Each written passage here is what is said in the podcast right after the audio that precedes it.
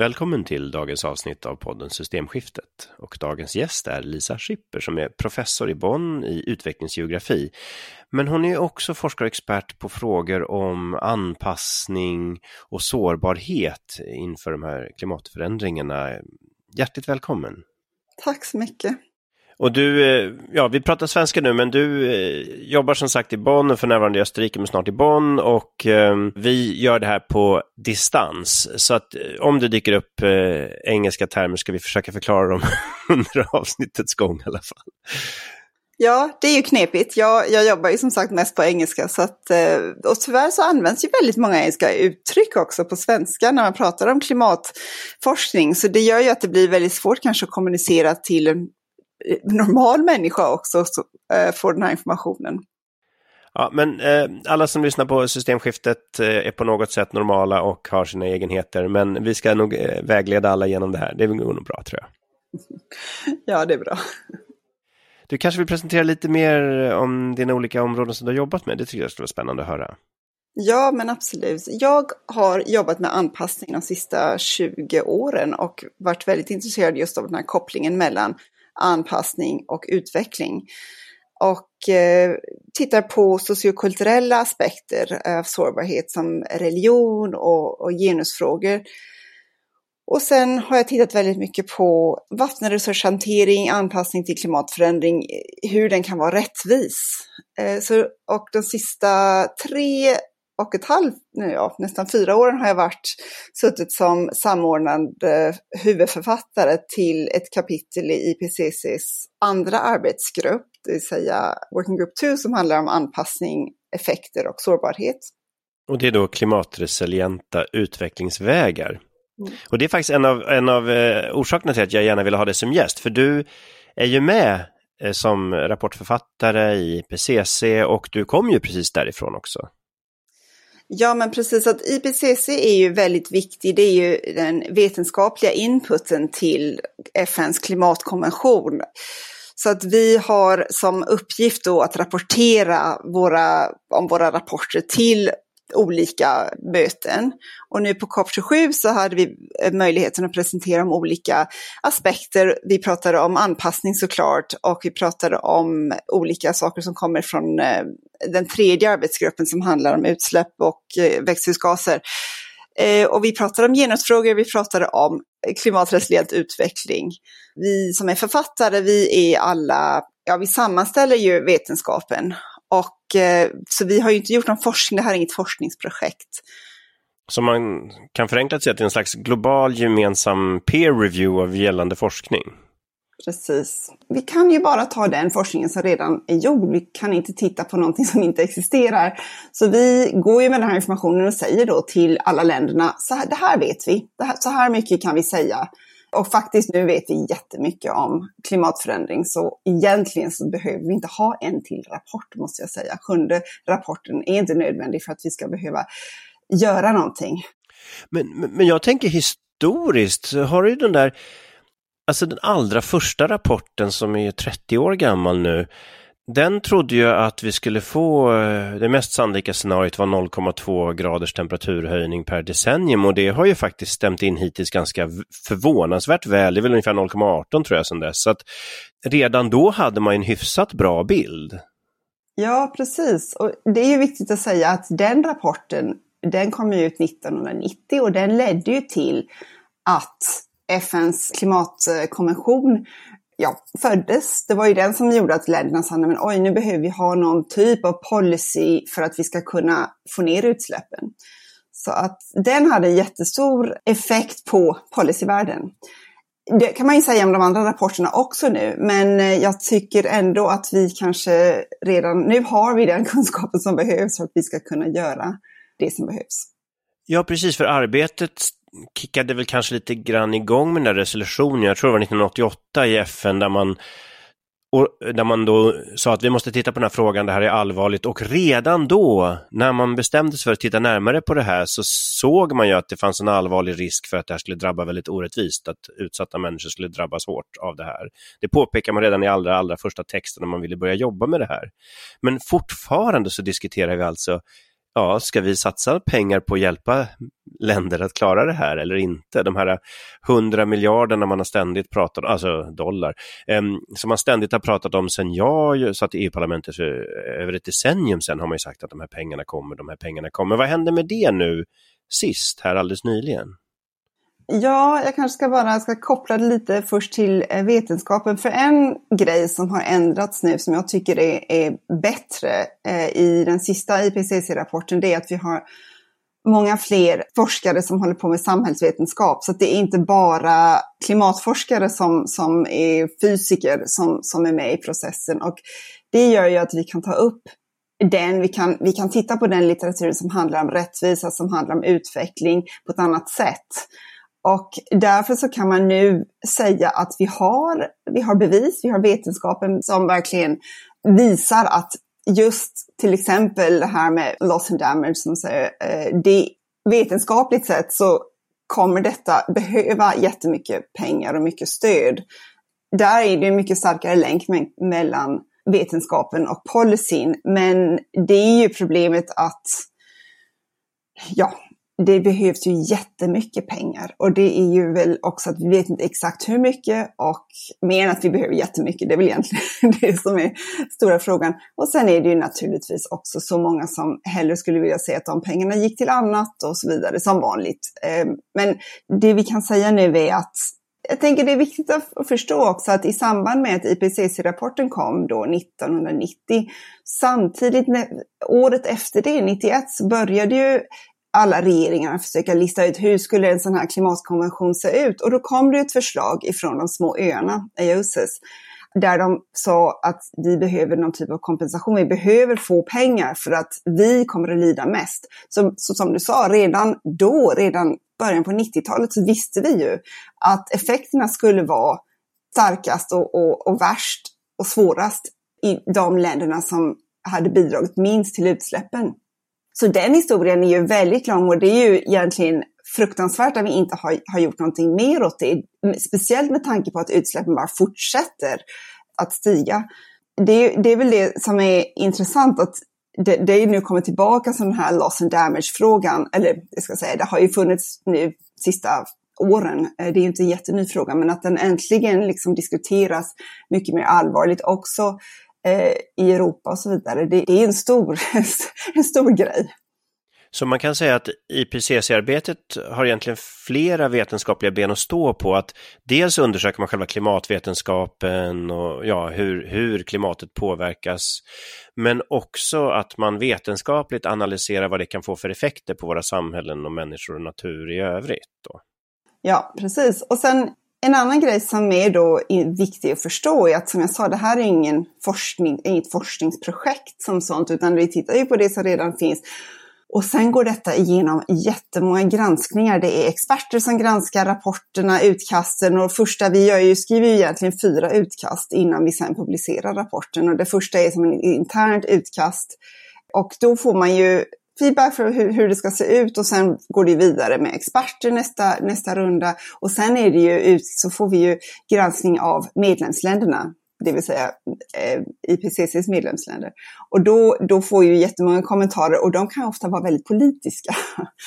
Ja, det var det jag tänkte säga, för jag har ju ibland fått se de här utkasten tidigare och sen har Saudiarabien eller något annat land gått in och, och försökt peta ner det här. För när man läser era rapporter så ser man ju väldigt ofta ett väldigt vanligt begrepp man använder är high confidence och, och, så vidare, att hur säker man är på någonting. De här begreppen, om man första gången läser en sån rapport så kan man bli lite förvirrad. Man tycker att det här är ju självklart, det här vet vi, men varför står det då olika grader av säkerhet? Vad är logiken och hur mm. funkar det? Ja men precis, det är en bra fråga för att high confidence och sen kan det finnas olika nivåer av, av evidence, av bevis då. Så det, det, säger att vi vet allting som, all bevis, all, eller all vetenskapen som vi har visar nästan på åt samma håll. Liksom. Att, att vi, vi kan ganska säkra på att säga, eller väldigt säkra, high confidence. Det finns ju också very high confidence. Ja, det finns virtually certain har jag sett någon gång också. Ja, den vet jag inte om jag har, har varit med om, men, men det finns, jag tror det ska finnas low confidence, medium confidence, high confidence och very high confidence självklart low confidence, då måste man ju fundera lite på, är det verkligen någonting som man kan säga? För att eh, det kan finnas jättemycket information som pekar åt massor med olika håll till exempel att, ska, att eh, om man pratar om havsnivån, om det ska stiga så så mycket här eller om det ska gå ner eller sådana grejer. Om, man, om, om olika studier visar på olika saker, då, då kan man ju, då brukar man säga, prata om agreement också. Så att det är till exempel low agreement eller medium agreement eller high agreement. Så då, då kombinerar man de här då, så att det kan vara i det, här, det fallet kanske det är low agreement, men då kan man ha high confidence om någonting som man säger kanske. Eh, så det, det, är klart, det, det, det, är ju lite svårt att förstå om man bara läser varför står det här? Det, det bryter ju meningarna och det, ser, det är svårt att läsa när det är massa sådana grejer i texten. Men, men det, ska, det är för att visa liksom att här har vi kanske high confidence och high agreement. Eh, då är det ju väldigt mycket, men vi kan också prata om evidence, hur mycket vi har, hur mycket vi kan säga. Eh, då, kan, då finns det jättemånga studier och då visar de nästan alla åt ett håll. Så kan det ju också finnas high agreement eh, med medium confidence. Så det är lite kom det, kombination. Så om man ska läsa och försöka förstå det här, då kan det till exempel vara att det är very high confidence att eh, havsnivåerna stiger, men sen om man försöker sätta en siffra på det, då, då är man kanske inte riktigt lika säker, säker på siffran då.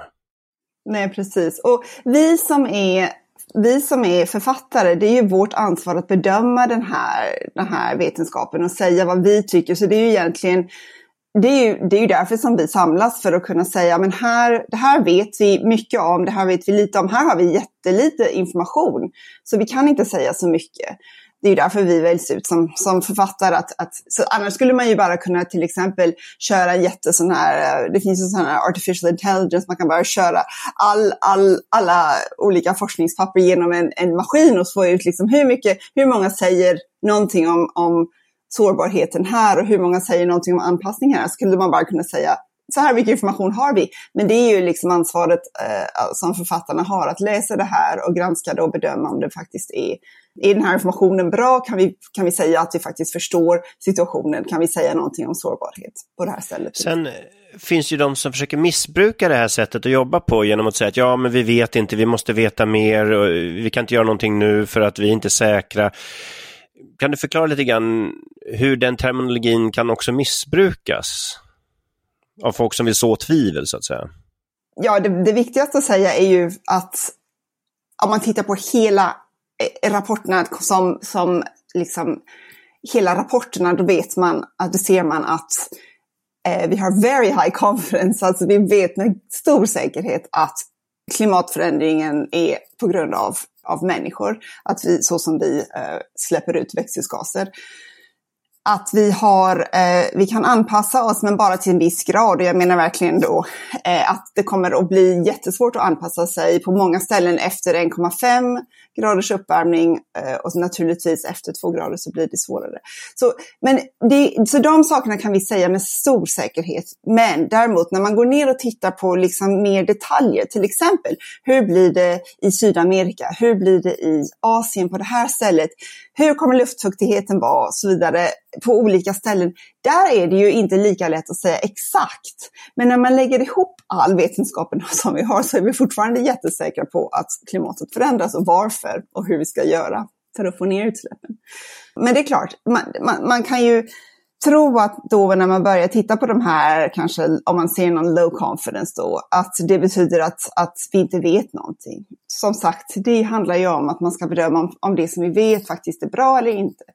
Samtidigt så måste jag också säga att det kommer ju så mycket forskning hela tiden, hela tiden, hela tiden. Så de här rapporterna, i alla fall vår arbetsgrupp, eh, litteraturen, alltså forskningen som vi baserat den här på, den, den eh, är nu, det är ju mer än ett år sedan eh, vi skrev det sista utkastet. Så på det här sista året har det kommit jättemycket mer ny forskning också. Ja, precis, för det finns ju någon slags deadline för ja, hur sent kan någonting publiceras för att ens beaktas i rapporten? Ja, det är ju för att eh, medlemsländerna också ska hinna kunna titta på allting som finns, all vetenskapen, om de själva skulle vilja det, för att dubbelkolla, man så säger, att, att det som vi skriver i rapporterna stämmer. Men det du sysslar med då, om man tittar på forskningen, är det så att du blir mer oroad över resultaten? Eller är de ganska stabila eller finns det saker som inte var så illa som du trodde för tio år sedan? Jag menar, jag tycker inte att det går åt rätt håll. Jag känner väl, nu vet ju ännu mer just hur komplicerat det är, till exempel om man tittar på rättvisefrågor och genusfrågor, hur till exempel kvinnor utsätts för våld när det är torrt på många ställen och det inte finns vattenkällor så måste speciellt eh, tjejer, flickor och kvinnor promenera.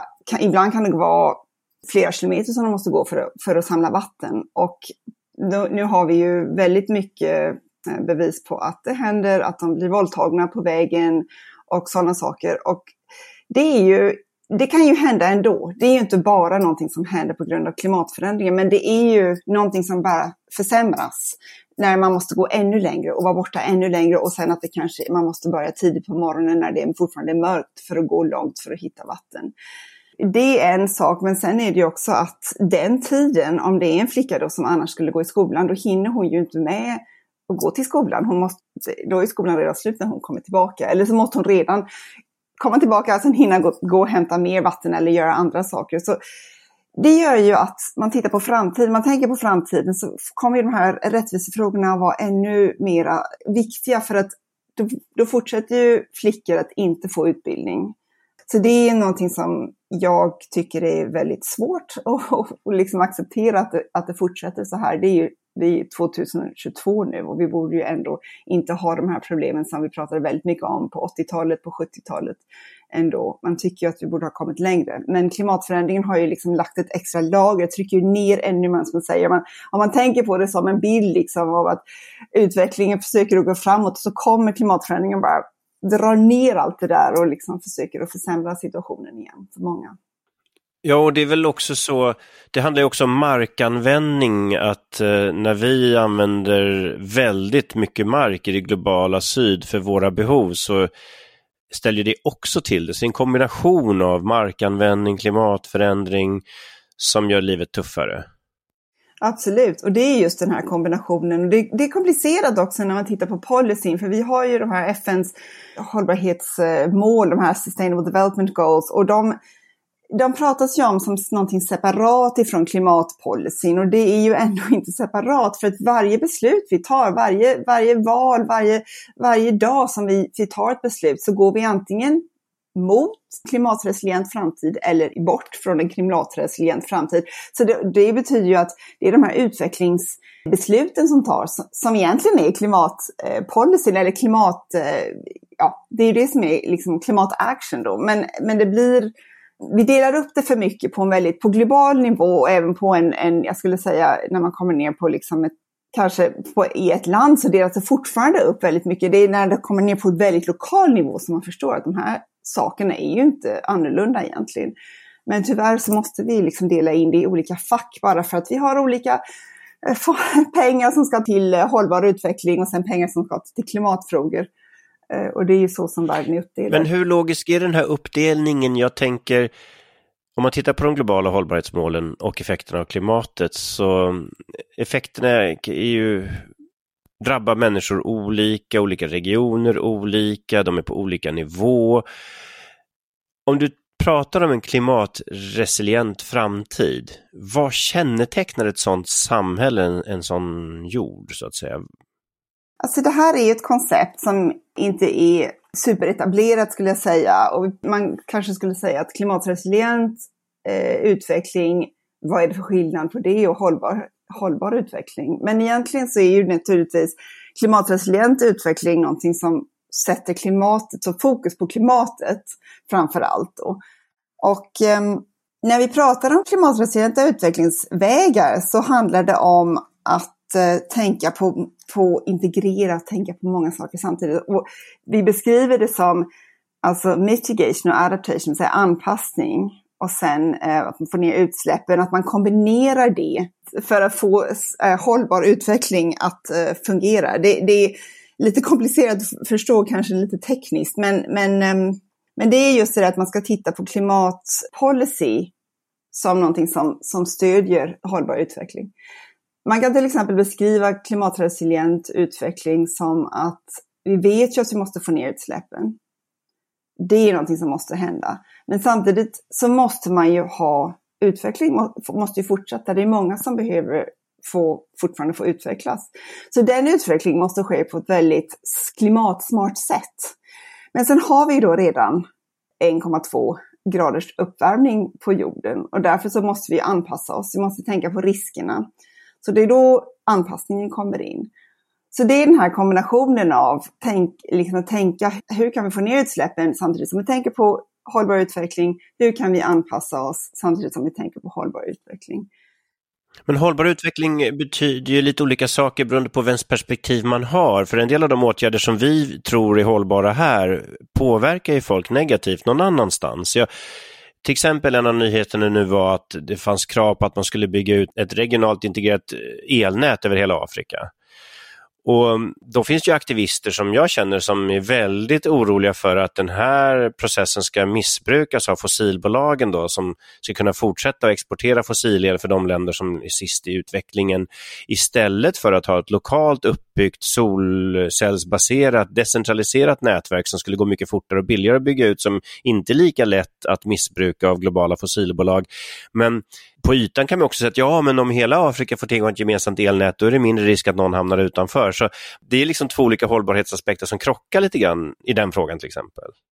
Ja, en sak som har kommit upp jättemycket nu, som jag har pratat jättemycket med journalister om de sista månaderna, är någonting som heter maladaptation. Och det kan inte riktigt översättas så bra på svenska, men konceptet finns ju, eller, men, men just det ordet verkar inte finnas, för missanpassning är inte exakt samma sak. Men maladaptation är någonting som pratar om den mörka sidan av klimatpolicy, om man så säger. Det är, liksom, det är det som kan hända när man inte planerar med tanke på rättvisa, när man inte planerar och förstår sårbarheten och när man inte riktigt förstår effekterna utanför liksom det området där man kanske vill implementera något projekt.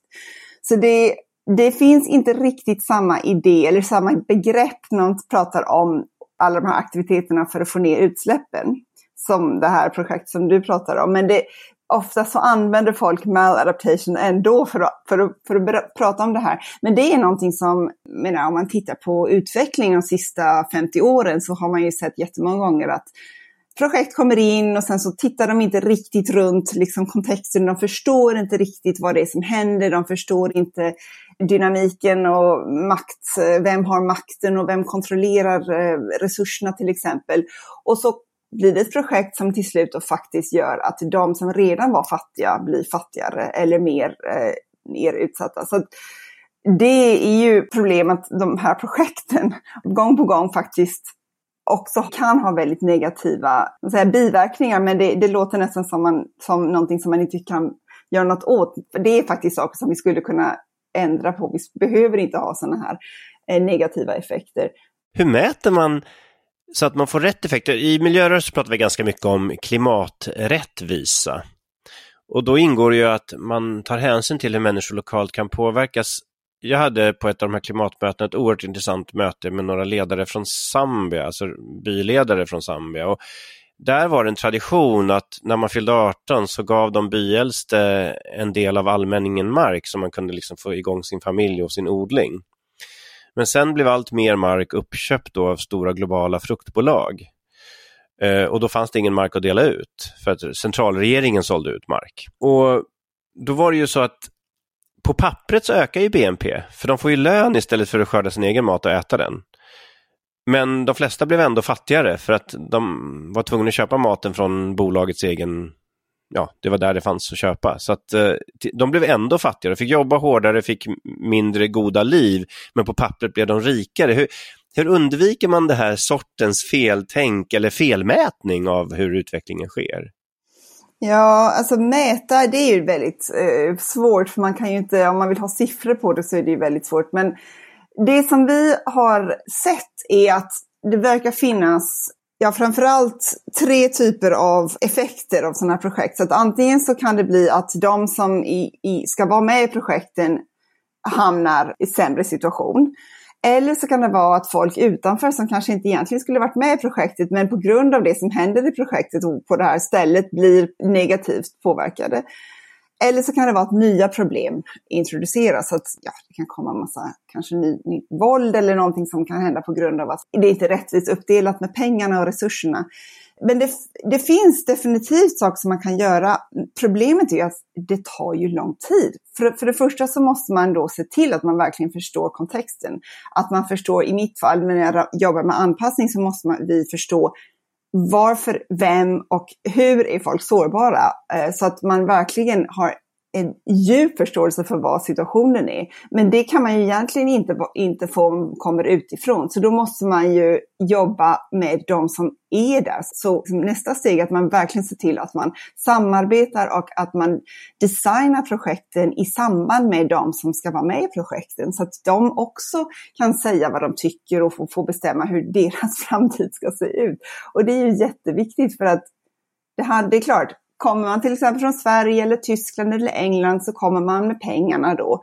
Men det ska, betyder inte att man ska få bestämma allting. Uh, och det, det, är ju en stor grej som pratar väldigt mycket om att dekolonisera projekt och utveckling och, och klimatpolicy till exempel. Och sen det här begreppet om att komma med pengarna, det, de flesta pengarna går ju åt andra hållet, från det globala syd och hit också. I alla fall resurserna. Ja, precis. Det är ju den stora diskussionen, liksom att klimatförändring är ju en... Eh, växthusgaserna kommer ju också från globala Norden, men dessutom anledningen till att effekterna i de fattigaste länderna är så extrema är ju också för den här, Man tittar, måste man ju titta långt tillbaka för att förstå att resurserna som har blivit stulna och, och allting som har blivit taget ifrån de här länderna, så att vi ska kunna vara rikare.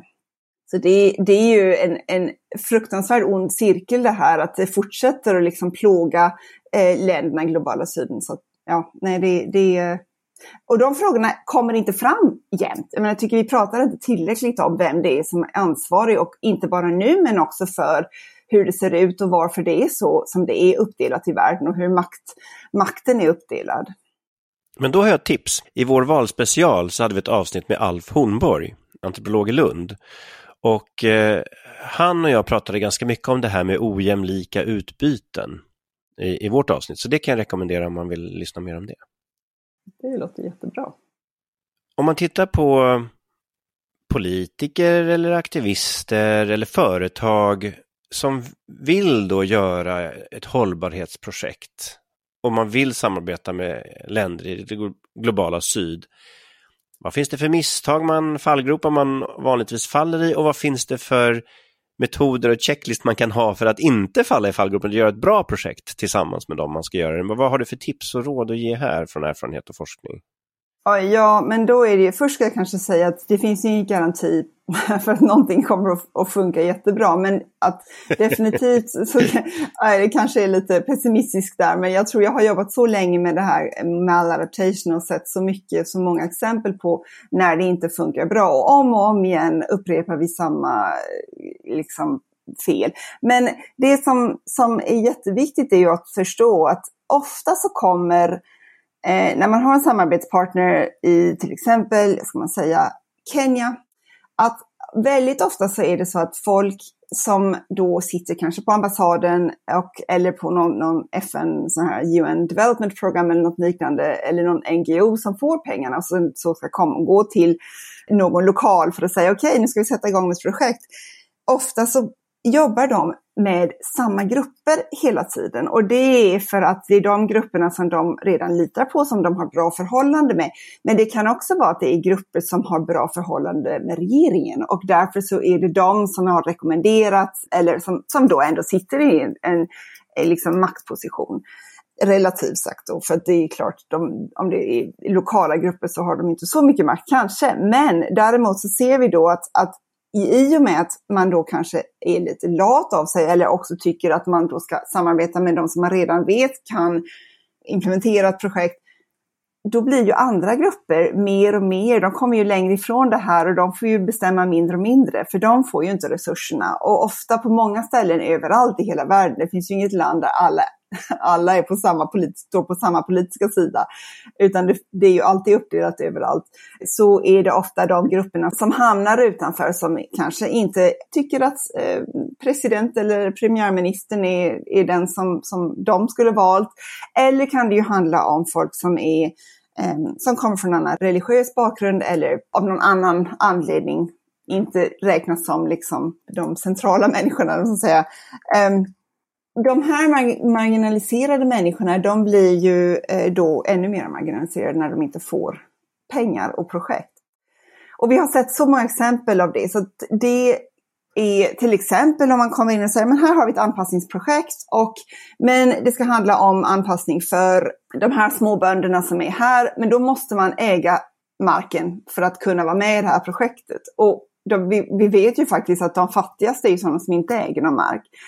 Och då, då kan inte de vara med i projektet. Det, finns, det här är ett riktigt projekt som hände eh, någonstans i Afrika, jag vill inte säga var, men det här är ett ja, men Det är ju samma, i Sydamerika har vi sett den här Movimento Sinterra, som de landlösas rörelse. Det, det finns ju på många ställen i jorden, det problemet. Absolut.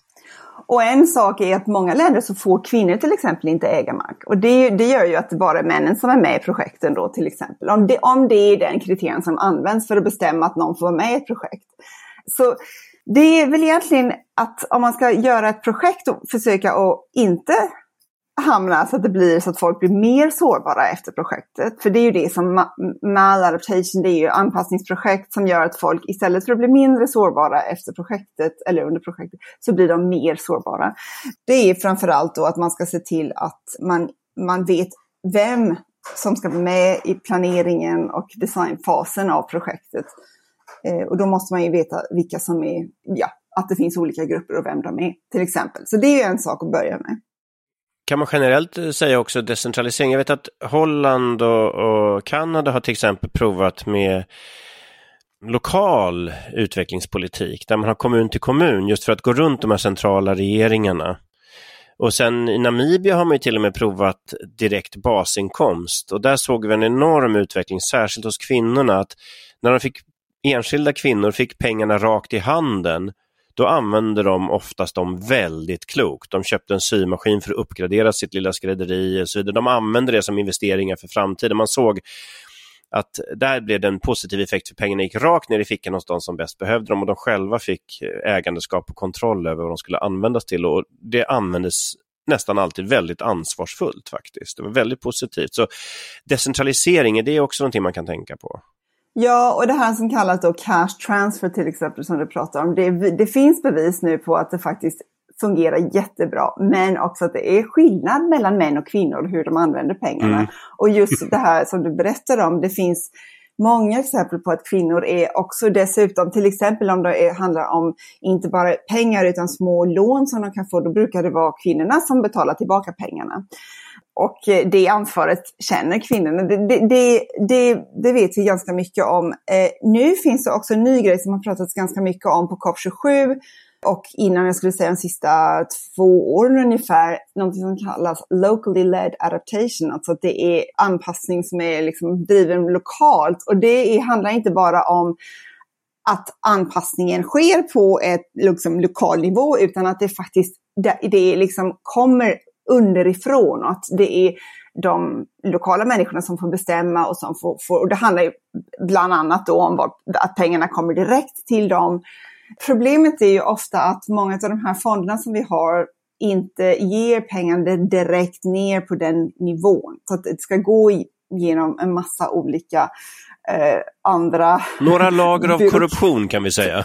korruption, jag skulle säga byråkrati, men ja, vi kan ju säga korruption. Men det är ju Nej, men det är både och förstås. Mm.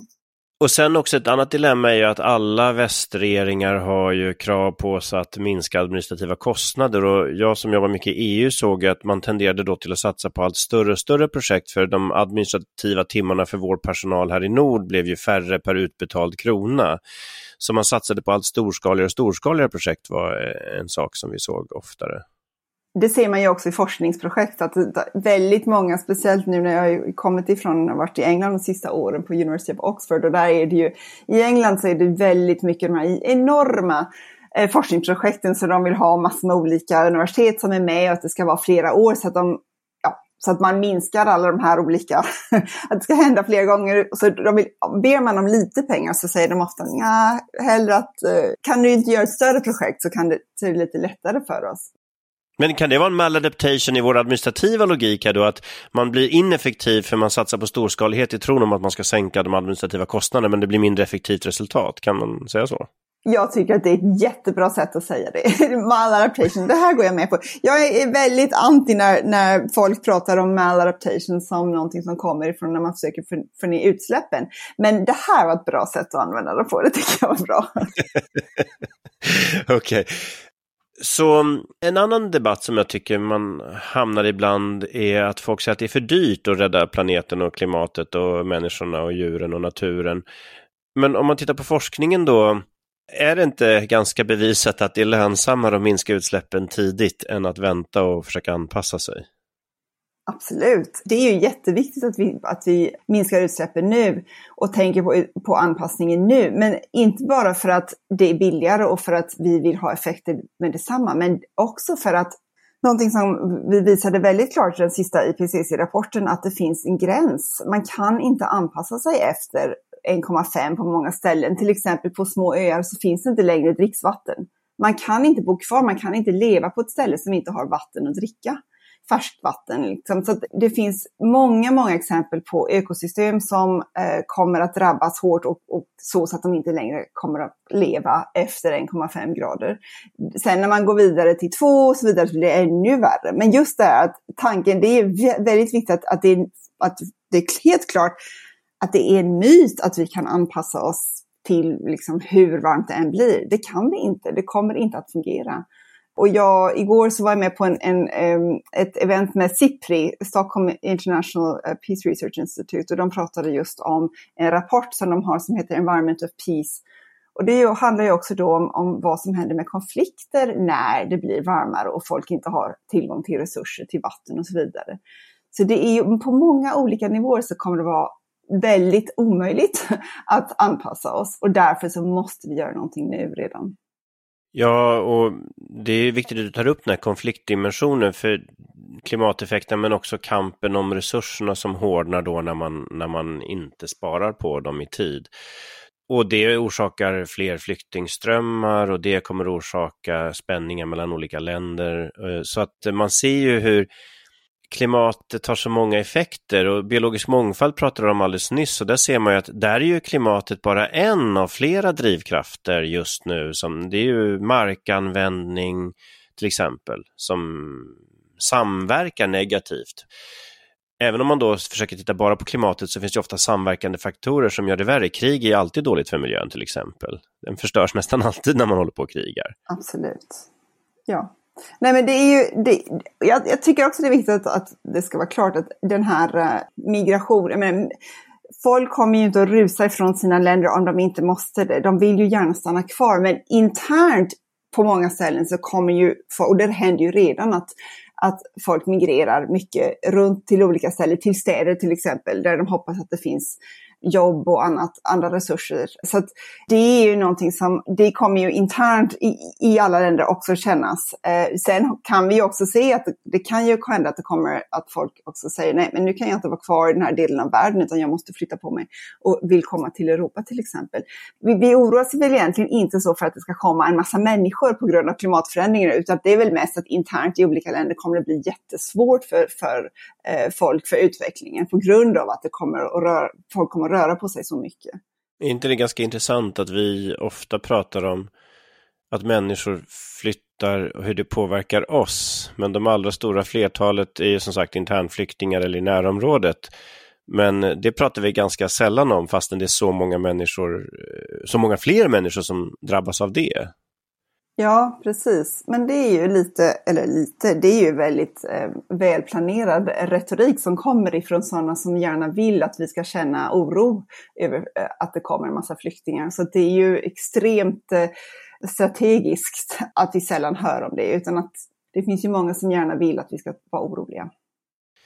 Men oro eller inte, man kan oroa sig för att människor kommer hit, man kan också oroa sig för att människor inte kan få bo kvar där de helst vill. Och lösningen på båda problemen är ju faktiskt att göra någonting åt klimatfrågan. Hur kommer det sig då att många, trots den vetskapen och trots helt olika skäl till varför man vill minska flyktingströmmar, varför enas man då inte om att stötta länder och människor med mer adaptation? Ja, det är en bra fråga. Nej, alltså jag tror anledningen till att det här, det här händer, för framförallt för att Eh, även om vi har hållit på med anpassning och, och, forskat om det så länge så har vi fortfarande inte riktigt klart för oss exakt vad bra eller ja, riktigt bra anpassning är. Och det som jag pratar ju väldigt mycket om maladaptation, alltså vi förstår anpassning som inte fungerar. Vi vet ungefär hur vad som kanske skulle påverka så att vi, ska, vi kan undgå det. Däremot så är vi inte lika säkra på vad bra anpassning ser ut som och det är ju egentligen mest på grund av att klimatet förändras. Och vi har inte riktigt tillräckligt med bevis. Vi har egentligen bara haft anpassningsprojekt de sista 15 åren. Och det räcker inte riktigt för att kunna säga, men nu har vi lyckats anpassas i, med tanke på att ja, samhället förändras men samtidigt då att klimatet hela tiden förändras. Så det är väldigt svårt att säga, aha, nu har vi hittat, nu har vi kommit hit, anpass, vi är jättebra anpassade, vi, liksom, vi kommer att överleva. Det kan man ju inte riktigt säga. Så det jag får testa en hypotes på dig då. För det vi pratade om förut, det här med värdet av decentralisering och eget ägandeskap över, för den som först märker en förändring där man bor är ju den som bor exakt just där. Så att det finns väl en, en chans att man har större chans att lyckas om, om de som drabbas är med i, i processerna tidigt och kan agera på förändrade Absolut. event. Och sen ska jag ju vara helt tydliga också om att folk har ju levt med eh, väldigt speciellt bönder på många olika ställen har ju levt med en väldigt osäkert väder jämt. Jag menar det är ju att vara att, va, att kunna anpassa sig är ju någonting som, som många i hela världen har varit tvungna att göra jättelänge. Men det är väl just att klimatet förändras så snabbt och det är så många grejer som förändras samtidigt som gör att, att det som har använts tidigare inte längre fungerar lika bra. Så att, men i och med att vi inte riktigt vet vad som fungerar jättebra så kommer vi då, så är det också väldigt svårt att säga hur mycket det kommer att kosta. De siffrorna som vi har, till exempel, det kom ut en rapport, Adaptation Gap Report, som kom ut bara för några veckor sedan. Det är ehm, um, UN Environment Program som, som uh, koordinerar den. Och där står det ju vi, hur mycket vi behöver, så här och så här mycket pengar. De kalkylerna är ju, de tittar de på kanske, ja men hur mycket mer bevattning skulle vi behöva? Eller hur mycket mer av, av olika tekniska saker kan vi behöva? Men om man säger så som min forskning handlar ju om att man ska titta på sårbarheten och varför folk är sårbara, hur de är sårbara. Det handlar ju ofta om väldigt svåra saker, till exempel att de blir, eh, de blir utfrysta för att, för, på grund av deras religiösa ja, religion eller, eller på grund av att de är kvinnor eller på grund av andra saker. Och det är ju jättesvårt att, att, ta upp och prata om. Och hur skulle man då kunna säga, men för att de här människorna ska bli mindre sårbara så måste vi då förändra hela sättet att tänka på eh, män och kvinnor och, och förändra den här eh, makten som finns och, och, och eh, rättvisan mellan män och kvinnor, det är ju inte någonting som ett projekt kan göra någonting åt. Så då måste, det, det, är ju sådana grejer som, är mycket, som ligger mycket djupare. Eh, och därför så, så, tycker jag jag är alltid väldigt skeptisk när jag pratar just om hur sådana här jag vet, 500 miljoner dollar eller någonting som de pratar om för anpassning. Men egentligen så kommer det självklart kosta jätte, jättemycket mer. Men jag tror att det är ju det anledningen till att vi har lite svårt att komma vidare. Sen är det ju att anpassning är ett koncept som folk förstår på olika sätt. Så att många anpassningsprojekt vill inte ens titta på de här anledningarna på, på de här sårbarhetsfrågorna, utan de tittar bara på effekten av klimatförändring. Aha, det är torrare här, då måste vi ha bevattning. Och då är det liksom, pratar inte om vem som ska ha bevattningen eller att det är, det är, bara vissa grupper som har tillgång till vatten och att kanske, som vi pratade om tidigare, att det är andra som äger marken och vem är det som äger marken. Utan då blir det kanske bara, och när man tittar, bara tittar på effekterna, då kan man ju lätt räkna, men så här mycket kostar det för att utveckla mer bevattning kanske. Ja, men också då bygger det på att du kan bara göra det om du har pengar. Så att eh, det bygger också på att du kan bara uttrycka dina behov med pengar i ett sånt läge, så då förflyttar man också makt även där. Jag tänkte lite grann på när du sa att man har, man har alltid haft osäkra förutsättningar och man har kunnat flytta, men en orsak som gör mig lite orolig är ju att ju mer full jorden blir av att mark brukas och människor bor överallt, det är ju att det finns färre ställen att flytta till utan att det skapas nya konflikter. Jag pratade med några i Nigeria som jag tyckte var intressant, för där, där flyr de ifrån oljeexploateringen i, i syd och sen från ökenutbredning i, vad blir det, öst tror jag. Och de här olika delarna av Nigeria har traditionellt sett haft lite olika religioner, men Eh, i vattenmängderna som finns i centrala landet där, de krymper ju också. Och när fler människor kommer dit, så förut fanns det inte religiösa konflikter, utan det fanns naturreligion, det fanns muslimer, det fanns kristna, men det fanns fortfarande tillräckligt med mark och resurser för att man skulle kunna bo där utan att behöva ha konflikter med varandra. Men nu så blir det konflikter för att nu blir man för många på samma ställe med för lite resurser. Så att det som historiskt har gått att flytta från och till och det som historiskt har gått att anpassa sig till, det kanske blir svårare och svårare ju mer tättbefolkat det blir också. Ja men absolut. Eh, faktiskt så tycker jag att man kan säga att en anledning till att vi kanske har svårare att anpassa oss är för att utvecklingsmodellerna som alla länder har valt, eller inte valt, men som har hamnat i, är faktiskt, de, de begränsar förmågan att anpassa oss. Och det är, jag har en student som har jobbat i Bangladesh, hon är från Bangladesh och hon skulle skriva upp sin avhandling och kom liksom så men vad finns det för möjligheter här? Hur ska de kunna anpassa sig, de här människorna? Det, det finns, det finns liksom ingenstans att, att gå. Marken är förstörd, det är så mycket saltvatten på många ställen som, som gör att ja, inte längre kan leva och inte längre kan, kan ha vatten att dricka och så vidare. Men var ska de åka? Ska de alla åka till Dhaka? Det finns ju ingen chans att alla ska kunna överleva där heller. Så vad finns det för möjligheter? Och, och jag, jag, tänker ofta på det att liksom det finns, att, de här, att det är vi pratade i IPCC-rapporten om um, så kallade hard limits to adaptation, det vill säga det som man inte kan göra något åt. Och det är som jag sa, att man måste ha dricksvatten, man måste kunna, ha, kunna leva på små öar. Men vi pratar också om soft limits och då, då är det saker som till exempel pengar, som man kanske kan lägga mer pengar. Utbildning är en annan grej som är en soft limit. För att det är klart att är man en bonde och inte kan så mycket annat, det är klart om man inte längre kan eh, leva på det viset så måste man hitta no någonting annat att försörja sig med. Och då är det bra om man har bättre utbildning eller har en extra utbildning. Så det är sådana grejer som man kanske faktiskt kan göra någonting åt, men som ändå inte det finns tillräckligt av just nu. Men den här frågan om var folk ska, var ska folk vara, var ska de bo och leva? Eh, det är ju egentligen inte, det är vare sig hard eller soft limit egentligen. För att det är klart, då kan man ju kanske försöka hitta något annat ställe någon annanstans. I något annat land eller bara fortsätta att röra på sig in, internt också. Men det betyder ju inte alls att man har ett bra liv. Eh, och jag tycker ofta, jag tänker ofta på det här vi pratar om just nu väldigt mycket och det vet att de pratar väldigt mycket om det just nu i förhandlingarna om det här 1,5, om vi redan har gått, har gått för långt, att vi inte kommer att uppnå det målet. Men egentligen så är det ju varje, varje grad är ju redan eh, ett, eh, det, det är ju redan, har vi ju redan gått för långt. Men egentligen skulle det ju vara på noll. Vi ska ju inte ha någon uppvärmning alls. Men vi kan väl bara slå fast här och nu att Oavsett om man når målet eller inte, varje tiondels grad vi undviker är fortfarande värd mycket. Så att det, det, är liksom, det är ingen idé att känna sig defaitistisk och ge upp och det finns heller ingen idé att, att skjuta problem framför sig, utan det är bara att kavla upp och köra så gott vi kan för att eh, annars så, varje gång vi misslyckas med 0,1 grad så är det dåligt för oss. Så att det är bara att kämpa på. Precis, och det är det som jag, jag blir lite mm, upprörd när jag hör de olika som säger att ja, men det är för sent och så vidare. Men för sent för vad då? Vi har ju fortfarande 1,51. Eh, jag menar, det, det fortsätter ju, vi måste ju se till att vi inte får, får, vi vill ju inte ha uppvärmning. Men sen det andra som är jätteviktigt, och det är väl någonting som vi pratar väldigt mycket om eh, i PCC-rapporten, vi pratar om Sustainable livable future for all, det vill säga för alla, att, att framtiden ska vara för alla och att just det här fönstret för, stängs snabbt för att vi ska kunna agera. För att se till att alla kan ha en hållbar framtid.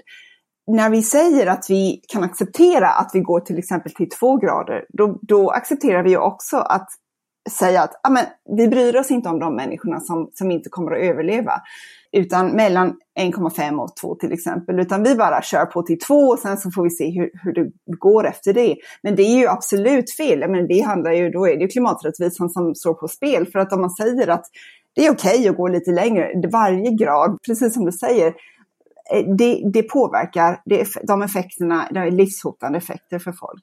Och arter generellt, alltså basen för hela vårt livssystem hotas ju också, så att det hänger ju ihop. ibland tycker jag att vi har den här dominanskulturen, att vi, vi tror att vi kan kontrollera och dominera, men det kan vi faktiskt inte i den mån vi tror och att man inte heller kan lösa allting med teknik. Och då är det ju viktigt att vi bygger upp social resiliens utöver teknisk, så att vi, vi kan hålla ihop när tiderna blir svåra. Absolut. Nej men det är ju det. Och det är ju, eh, planetens hälsa är ju, det, det, är ju, precis som du säger, det är ekosystem, det är människor och vi måste tänka på eh, att det inte, det, det, vi kan inte bara säga åh tyvärr så är Great Barrier Reef dött nu, men det påverkar ju oss också. Så det, det, är ju inte någonting som händer isolerat, vi bor ju bara, det finns ju bara en planet som vi alla bor på. Mm. Ja, det, det är ganska fina slutord faktiskt för dagens avsnitt. För normalt sett ska man väl ta hand om sitt hem och göra det beboeligt. Absolut, det är ju det. Det är bara det att på global nivå så kan vi inte ens kontrollera hemmet utan det händer random saker som vi inte har kontroll över. Så får man bara leva med det, att det är så det är. Men vi ska inte göra saker värre med våra egna ekonomier och tekniker. Nej, precis. Och just de här, till exempel covid, jag menar pandemin var ju ett bevis på någonting som vi fuck aldrig, eller ja, det finns ju några som vis, visste att det kunde hända sådana här grejer, men just det att, att det var så extremt globalt och att, att alla påverkades, det kan ju hända igen. Men vi måste ju vara beredda lite på det och det är ju det som anpassning handlar ju också om. Resiliensen handlar ju om flexibilitet också, att man förstår att att okej, okay, om, det, om det blir så här nu så har jag plan B och så vidare. Så att, att man kan eh, snabbt anpassa sig till en ny situation. Nej, men, och när du pratar om det, vi har faktiskt haft ett poddavsnitt också om det med Björn Olsen och han förutsåg ju väldigt väl att det skulle bli en eh, pandemi på grund av dålig djurhållning. Så att ofta är det ju så att vi kan se saker men först när de har hänt så inser vi att vi borde gjort någonting. Och det, I det här fallet så har vi inte råd att vänta utan nu måste vi faktiskt lösa det här innan det blir för illa. Absolut. Ja, men tack för samtalet. Det var jättekul att du kunde vara med. Ja, tack. Det var jättespännande. I nästa veckas avsnitt möter vi journalisten och författaren Po Tidholm och vi ska diskutera det stora landsbygdsrånet. Tack för att ni lyssnade på dagens program som gjordes av Greenpeace där producent är Christian Åslund, Johanna Larsson, Ludvig Tillman och jag, Carl Schlüter.